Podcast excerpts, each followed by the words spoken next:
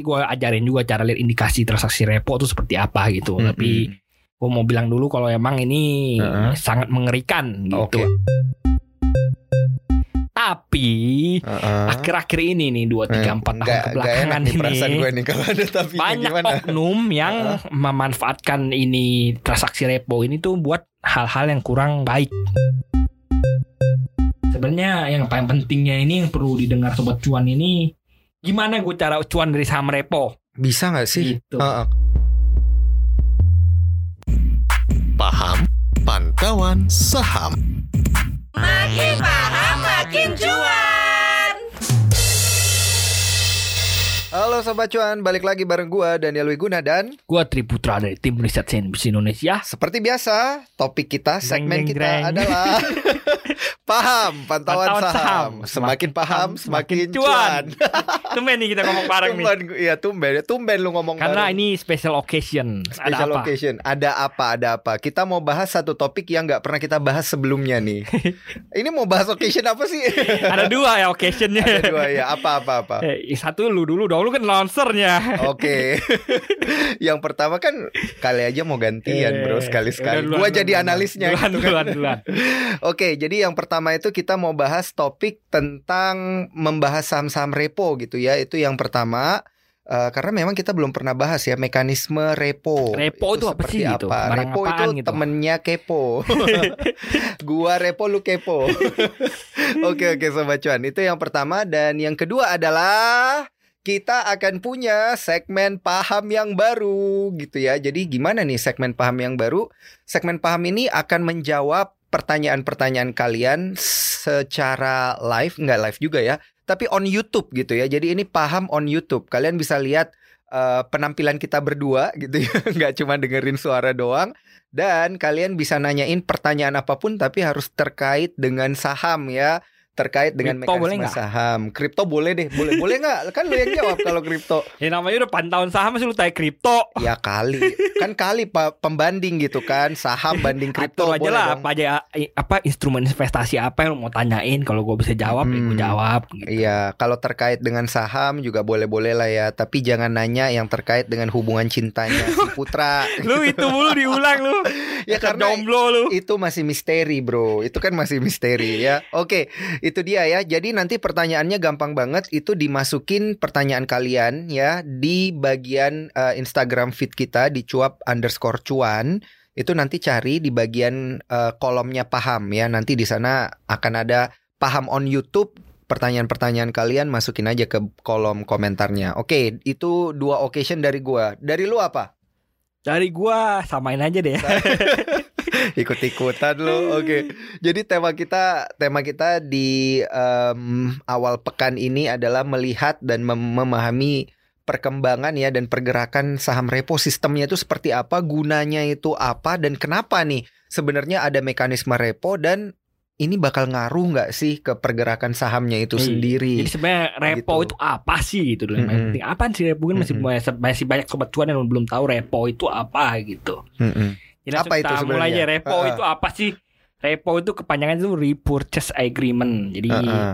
persetujuan beli balik gitu di, Mm-mm. dibalik ulang. Jadi sebenarnya tuh biar gampang penjelasan gampang tuh Mm-mm. repo itu sebenarnya gadai saham. Lu Gadai punya saham, ya, lu gadai artinya lu jaminkan supaya lu dapat pinjaman gitu. Mm-mm. Nah, nanti ketika kosa lu ba- lu balikin pinjamannya, berarti saham lu dibalikin. Kalau lu nggak Oke. mampu bayar bayar pinjamannya, saham lu disita sama yang Hmm. terima reponya gitu. Hmm, Berarti ini ada untung, ada ruginya juga ya bagi orang yang kemudian eh, menukarkan saham repo dengan uang gitu ya. Misalnya lu nih, lu kan punya saham repo, lu mau menggadaikan saham lu Hmm. ke gue misalnya. Nah, gua harus lihat dong, lu pegangnya saham apa, lu mau kasih Iya. gua repoan saham apa iya gitu kan. benar. Heeh. Jadi sebenarnya ini repo saham tuh udah ada lama banget gitu. Jadi nggak cuman saham-saham nggak jelas yang bisa direpo dari dulu tuh ada Semuanya, semua semuanya semua saham bisa direpo gitu. Oke. Misal gue punya saham BBCA, gue butuh duit misalnya ada keperluan mendadak mendesak ya udah gue gue tapi gue masih mau hold BBCA ya ya udah gue cariin cari teman gue atau mau hubungin sekuritas buat cariin orang buat ngerepo gitu Mm-mm. ya udah gue hubungin eh nih gue repoin BBCA di harga misalnya dua puluh ribu aja deh gue kasih lu bunga berapa persen gitu selama berapa lama nah Hmm. gitu Nah, Jadi lu kan buat jaminan ya. Iya jadi jaminan gitu. Lu misal Mm-mm. karena lu nggak mau jual BBCA lu gitu. Lu Mm-mm. masih kayak misal lu jamin apa lu gadain emas lu lah misalnya tuh gadain apa misalnya gadain cincin kawin. Kan sebenarnya lu masih mau hold itu barang kan, Iya. cuman lu butuh uang mendesak aja gitu. Mm-mm. Sama sebenarnya sama repo gitu. Jadi memang semua saham bisa direpo, bisa Hmm. digadaikan. Tapi akhir-akhir ini nih 2 3 4 tahun Nggak- nggak kebelakangan enak ini gue nih kalau ada tapi banyak gimana? oknum yang memanfaatkan ini transaksi repo ini tuh buat hal-hal yang kurang baik Hmm. gitu. Nah, gue jelasin dulu ya misalnya Yang kurang baik gimana? Ad, Misalnya, contoh. uang gitu Hmm, gitu ya, enggak ya? ya, gue jelasin dulu ya. Heeh. Contoh, misalnya lu punya lu misalnya lu Mhm. punya saham ABCD Iya. di harga 100 Mhm. kan. Kalau mau repo kan lu nggak mungkin bisa repo di harga 100. Siapa yang mau Hmm. terima? Mm-mm. Paling lu bisa repo setengah harganya atau seperempat harganya Ya, harga lebih 25. murah dari harga yang iya, harga di pasar iya, ya. benar. Heeh. paling lu bisa repo di harga 25 harga 50 gitu. Heeh. Nah, ini kalau lu licik orangnya, lu gimana cara Bisa lu lu menguasai saham ABCD. Mhm. 90% saham beredar lu kuasai. Mhm. Lu harganya sekarang 100. Lu butuh uang nih lu mau repoin saham gimana? Ya udah lu tarik ini naik ke atas. Mhm. Lu tarik harga 1000 kan? Lu jual di harga lu repoin di harga 500 Oke. gitu. Misalnya 1000 sekarang harga running kan 1000 Mhm. sekarang kan harganya 500 gitu. Jadi Hmm. pasti ada ada yang ada yang ada, ada orang yang menerima karena cuma setengah dari harga pasar Mhm. gitu. Tapi itu yang lu yang naikin dari 100 ke 500. Nah, lu udah cuan dong lu harga modal lu cepet lu jual lu re, ju, sebenarnya kan itu di repo lu terima uang di harga 500 kan, bener kan? Mhm. Lu repo di harga 500.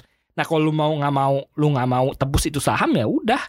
Lu nggak usah tebus. Nanti dia gagal gagal bayar dia udah dia nih nampung barang lu itu yang yang lu jual. Sebenarnya kan karena udah gagal bayar dia lu jual ke dia kan di Iya. harga 500 dia yang dia yang amsyong nanti yang nampung repo lu yang amsyong Hmm, berarti ini Gitu. mekanismenya pakai surat-surat perjanjian juga. iya pastinya pakai surat gitu-gitu ya. perjanjian iya gitu jadi Ah. Saya menjual apa menjual saham apa menjaminkan saham saham ini ke sekian sekian sekian serem juga saya ya ini lalu gitu. saya akan berjanji untuk membeli balik sahamnya bla bla bla bla gitu tapi Mm-mm. kalau gagal bayar ya Heeh. lu ya terpaksa lu nampung saham gorengan itulah Heeh, gitu. Jadi kan misalnya ini saham gorengan digoreng naik sama yang punya pemegang mayoritas itu. Iya. Jadi terus kemudian dia repo setengah harga. Nah, Iya. si orang yang terima repoan ini kan dia berpikir, "Wah, enak nih dapat diskon 50%." Iya. Tapi ternyata zong gitu ya. Song.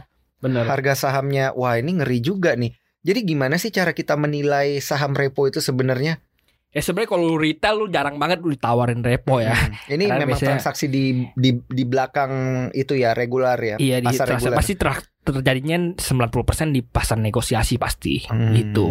Karena yang satu di bawah harga normal kan, itu bisa harga 1000 dijual 500 kan nggak bisa nggak bisa Mhm. terjadi di regular. Jadi pasti Mhm. dilakukan di nego nanti. Jadi di dijual nego di harga 500 di pasar ne- negosiasi gitu. Mm-mm. Nah, jadi biasanya most of the time itu yang yang yang jadi korban ya, yang beli saham repo itu bukan Anda dan saya, bukan retail. Tapi biasanya dijual ke Dapen.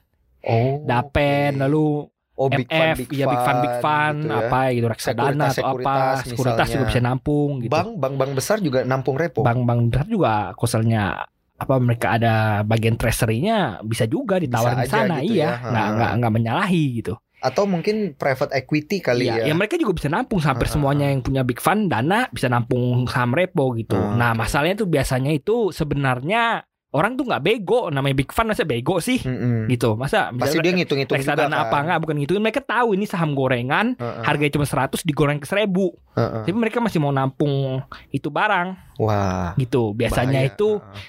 orang-orang yang berkepentingannya dapat cashback gitu jadi ini ada Oh. dunia gelapnya lah misalnya Oke. gua ke dapen A dapen B Pelicin gitu ya, Iya, pelicin misalnya gua ke itu dana pensiun atau misalnya Heeh. apa dana pensiun lah Mm-mm. gua ke da- dapen perusahaan Ya ini A. contoh aja contoh kan aja ya, ya, contoh aja. nggak Jangan disebut namanya ya, gua nggak sebut namanya ya Iya iya. Jadi ini kita ke dapen perusahaan A, terus gue Iya. bilang, eh nih gue punya saham saham ABCD harganya Hmm. seribu, gue repon ke lu 500 Hmm. Orangnya gue tahu direktur investasi dapen A nya gue tahu ya itu mah saham repo itu modalnya cuma cepet emang gue Iya, bego dia bilang iya. gitu. Heeh. Lu dikasih lah nih, seret. Ini Gitu. pak ada ang- apa? Ada amplop. Gitu. Angpau.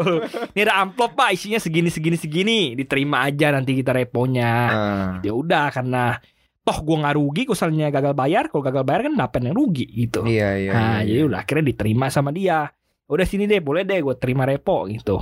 Oke. Baru akhirnya apa masuk gitu. Hmm, Dan tiba-tiba sahamnya zong udah Dan deh. sahamnya zong dap dapatnya rugi Iya, gitu. dan Dapet- nggak bisa cut loss ya Iya, kalau nggak bisa cut loss satu ya. Iya. Kalau BUMN nggak bisa cut loss. Kalau swasta masih masih mungkin bisa lah ya. Tapi ya Ah, tetap aja perusahaan bakal rugi biasanya Iya, gitu iya, ya. tetep Yang aja yang rugi. untung oknum, mm-mm. oknum penjual repo, oknum direksinya, oknumnya Mm-mm. untung gitu. Waduh ngeri banget tuh Iya, ya karena ngeri. ini kan dana dana dana repo itu nggak kecil kan pasti iya, bisa repo miliaran pasti kan gede-gede gitu. Miliaran, Dan ini baru-baru ini ada saham saham yang udah anjlok parah dan emang ada di di diperkirakan ya apa sebutannya itu ada kira-kira gitu ya, ya, sepertinya ada, transaksi nego ada gitu ada ya. indikasi Mm-mm. transaksi repo gitu nah nanti gue ajarin juga cara lihat indikasi transaksi repo itu seperti apa gitu Mm-mm. tapi gue mau bilang dulu kalau emang ini Heeh. sangat mengerikan gitu oke. ada ada Nah, apa supaya bisa kebayang seberapa mengerikan itu kalau saham itu di repo ini misalnya Hmm, lu hmm. ditawarin saham Hmm. repo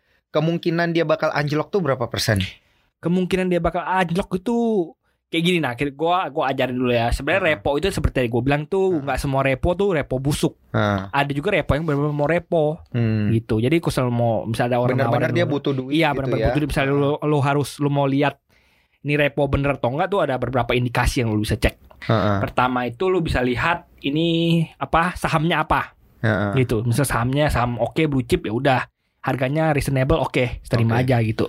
Dan dan biasanya bunga repo apa bunganya nggak misalnya saham bener-bener mau repo bunganya agak gede-gede amat Hmm. gitu. Kalau misalnya sahamnya reponya bener-bener gorengan bunganya dikasih tinggi-tinggi sama dia biar orang makin banyak mau dan sengaja ya, sengaga karena dia emang nggak mau bayar. biasa berapa tuh? Karena dia Sampai- emang nggak mau bayar gitu. 50% gitu. Gua repoin gua Ya, kasih nggak- bunga 50%. nggak gitu. sampai 50% biasanya per bulannya per bulan ya misalnya 5-6 persen per bulannya udah tinggi Oh, itu sebenarnya. u- udah ukuran tinggi ya, ukuran 5-6%. tinggi gitu. Sebenarnya kalau udah udah dikasih 5-6 persen sebulan tuh lu udah harus tanda tanya ini orang beneran mau bayar gak sih gitu. Iya.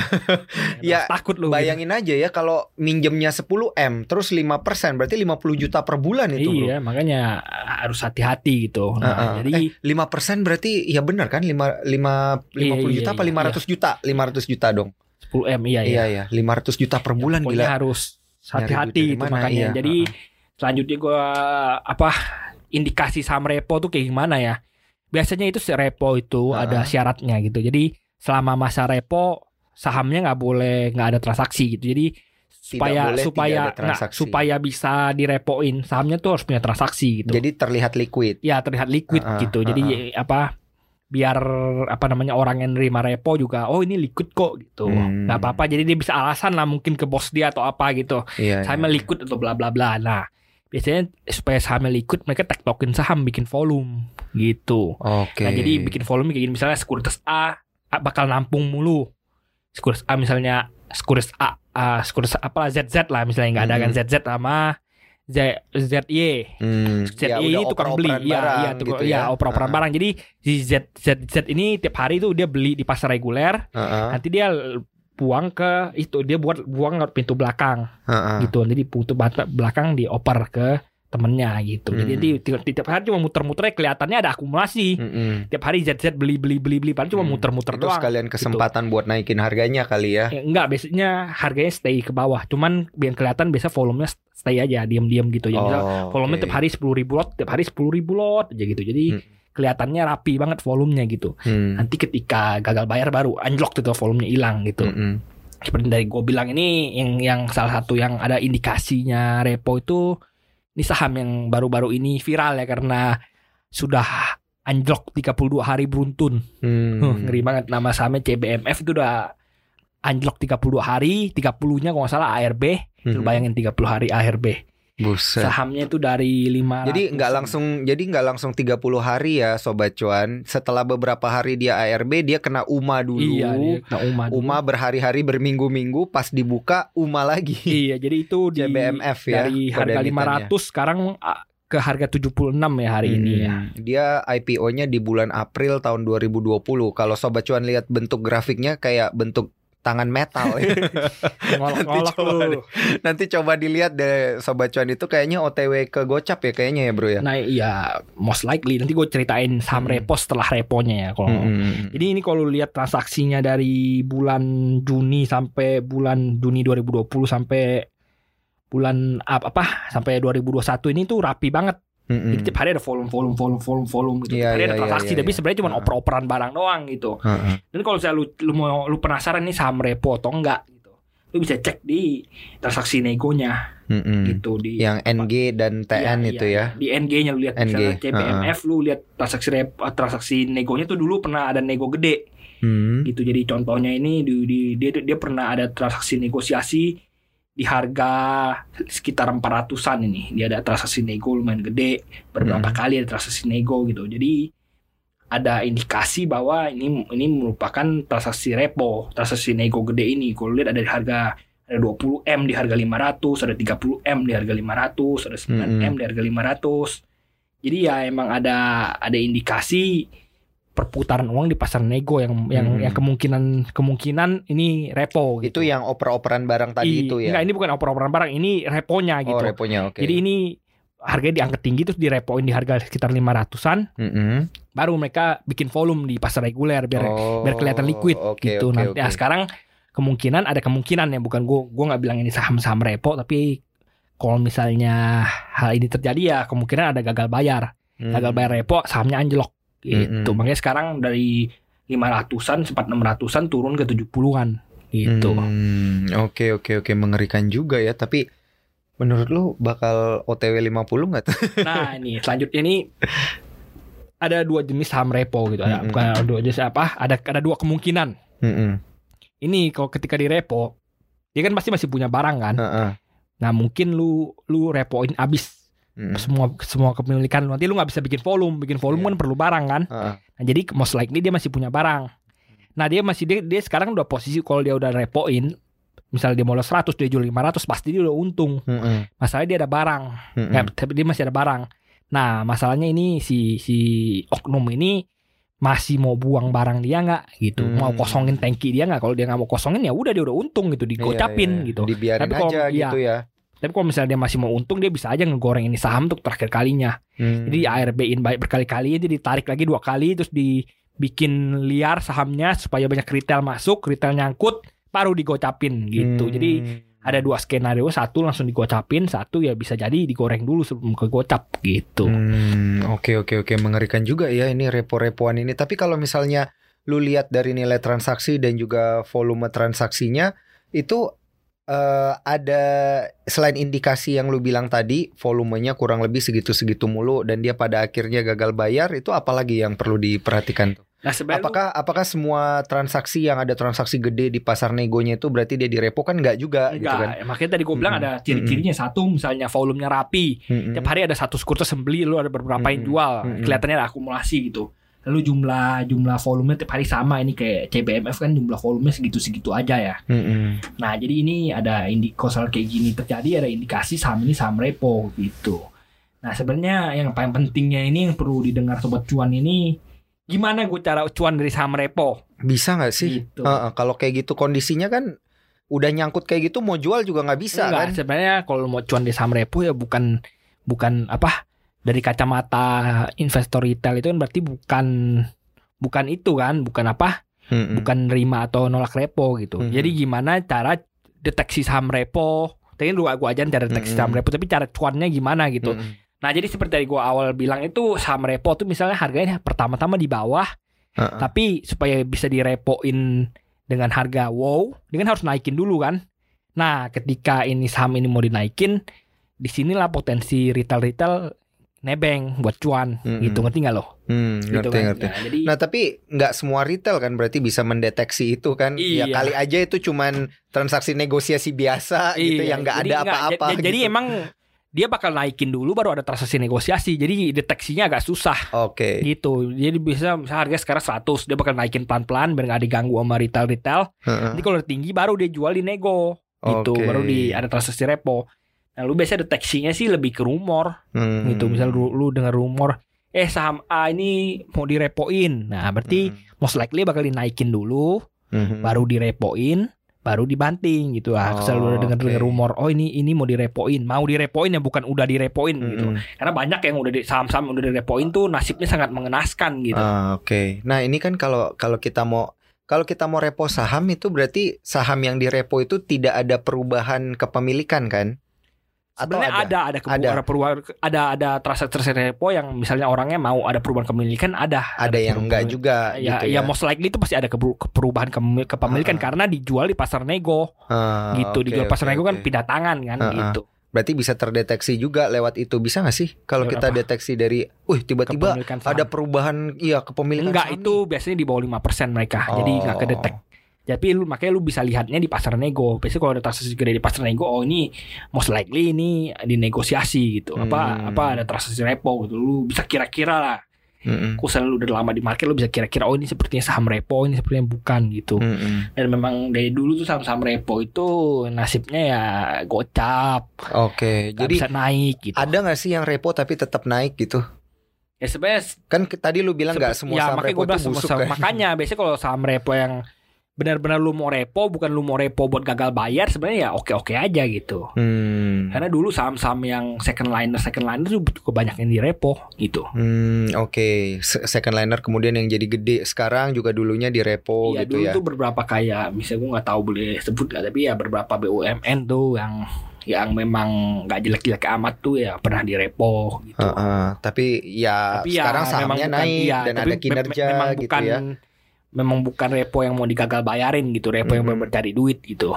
Hmm, oke oke oke. Nah, cara memanfaatkan nih supaya kita bisa menghindari atau dapat cuan banyak dari sana selain tadi yang lu bilang kan itu em, lihat dari pasar negosiasi atau apa. Banyak nggak sih para sobat cuan kita kalau lu lihat dari dulu orang yang manfaatin saham repo tuh bisa untung gede.